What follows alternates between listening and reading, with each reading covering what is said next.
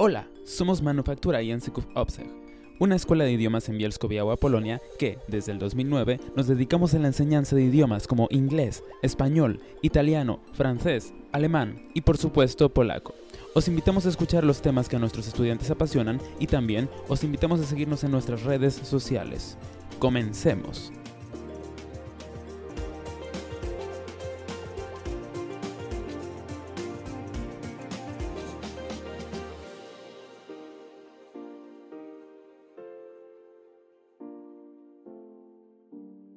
Hola, buenas tardes a todas las personas que nos escuchan. Estamos muy alegres de presentarles nuestro primer podcast en español. Esperamos que lo disfruten mucho y estamos aquí con nuestra primera invitada. Su nombre es Maya y hola Maya, ¿cómo estás? Eh, háblanos de ti y cuéntanos de qué nos vas a hablar hoy. Hola, hola, estoy muy bien. Mm, algo de mí. Oh, bien, soy estudiante de la Escuela de Música y toco el fortepiano desde los 11 años. Tengo 17 años. Como porcentaje, aprender a tocar el piano tomó la mayor parte de mi vida. Esa es una gran cantidad de tiempo. Me gusta bailar, leer libros y comer muchos, pero muchos dulces. en mi tiempo libre yo quedo con mis amigos. En general, nos gusta divertirnos. Hoy quiero hablar de las épocas principales de la música, o más precisamente sobre la primera época donde todo tomó forma. Bien.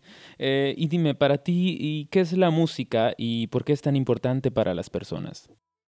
Para mí la música es la vida. No puedo vivir sin ella. Es una especie de base para todo el mundo. Todos cantan, bailan o tocan música. Ella es el ritmo de la vida, te comprende, te puede consolar. Es una expresión de nuestros pensamientos y emociones, creada al mismo tiempo para acompañar a las personas en los asuntos cotidianos y para deleitarnos. Creo que para las personas la música es simplemente natural. Puede que no la note cuando está ahí, pero ciertamente notamos su ausencia. Sí, lo notaremos. Em, y entonces dime, ¿qué, épocas tenemos en la, en la música? La historia de la música se puede dividir en periodos particulares. Los más importantes son Antigüedad, Edad Media, Renacimiento, Barroco, Clasicismo, Romanticismo, música del siglo XX y música contemporánea. Eh, ¿y, de qué época nos, nos hablarás hoy? Sobre la primera, la antigüedad. Vale, perfecto. Entonces cuéntanos.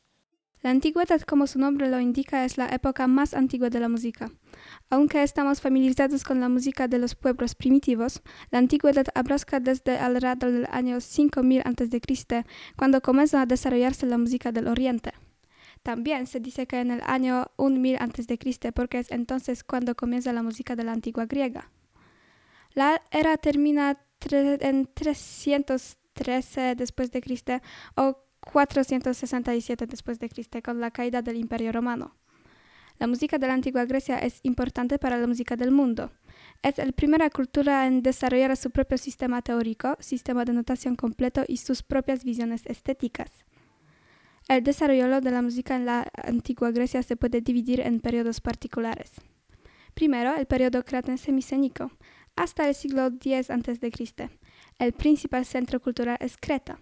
En ese momento se realizaban canciones del culto, es decir, canciones en honor a un dios o un ídolo. Se conocen como las peanas, que son canciones en honor a Apolo. El segundo es periodo homérico, del siglo X al 8 a.C. Se le llama homérico por la isla de Odisea, que se encuentran entre las fuentes de conocimiento para conocer la música. La música tiene la forma de canciones bailes o cantos échicos que suplicaban a los dioses que echaran fuera a los demonios malvados. Tercera es periodo de transición, del siglo 8 al 5 a.C. El teórico griego Terpandek da lugar a la música en forma escrita. También es el creador de la citarodia que se canta con el acompañamiento de una citara, un instrumento de cuerda, un pariente lejano del arpa moderna. Con esto surge una de las formas más importantes, el drama griego. Vale. Em, y, quiere decir que a partir de este momento la música comienza a escribirse en forma de partituras? No sé si realmente se puede llamar así, pero sí. Las notas comienzan a existir en una forma que se puede leer. Pocos monumentos musicales han sobrevivido hasta el día de hoy, es decir, el tipo original de notas grabadas en taballas de arcilla de las que podíamos leer las piezas. Estas notamos consisten en letras en varias posiciones y arreglos. Ok, entonces 4 es el periodo clásico denominado dorado, del siglo 5 al 4 a.C. El arte, la ciencia y la filosofía se desarrollan rápidamente.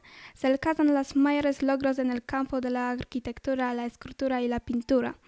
La música se vuelve tan importante que incluso se convierte en parte de la educación de los jóvenes. Y quinto es periodo helenístico, siglo II a.C., siglo I después de Cristo, el periodo de desarrollo de la ciencia de la música. Eh, la música siempre ha acompañado a otros tipos de arte, evidentemente. Eh, sí, las formas de la música griega antigua son en su mayoría idénticas a las formas de la poesía griega, por lo que se pueden clasificar en las principales categorías literarias. Formas líricas como elegías y canciones, incluidos peones especiales. Formas épicas, por ejemplo, odas, rapsodias e himnos principalmente en honor a Apolo. Apolo era del agrado de los antiguos. Lo veo. Formas dramáticas, inicialmente drama coral en honor a Dioniso y más tarde drama griego y sus variaciones.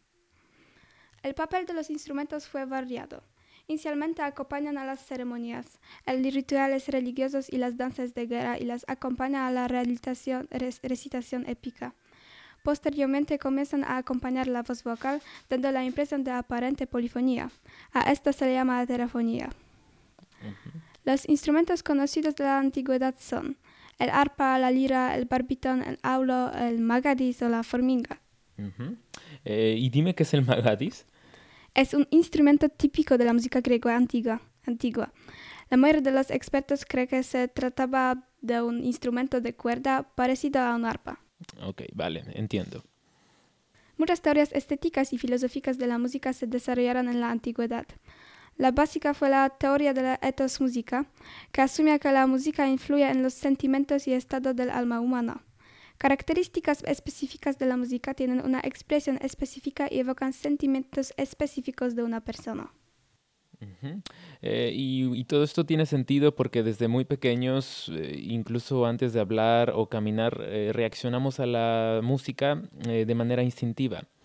No sé, pienso que desde la prehistoria, antes de tener un lenguaje bien estructurado, pudimos haber utilizado la música para expresarnos.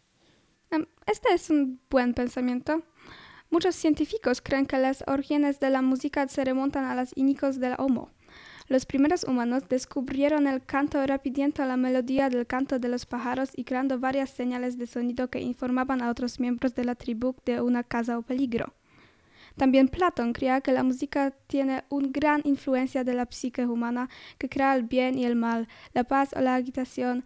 E incluso sabemos por las ecuaciones pitagóricas que la música también está relacionada con las matemáticas.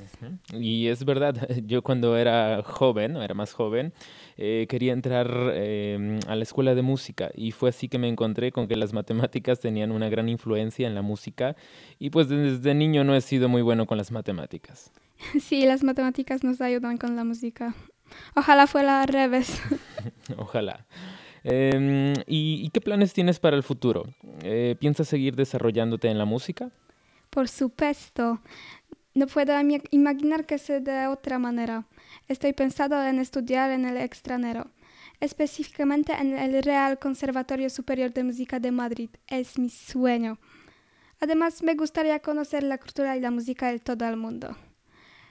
Todo acerca de la música, este es definitivamente mi plan para una vida perfecta. Sí, sí, sí, lo, recuerdo. Eh, cuando nos conocimos me dijiste que querías aprender español para estudiar en España. Ahora lo recuerdo. Eh, y bueno, ya verás que todo, que todo saldrá de acuerdo al plan.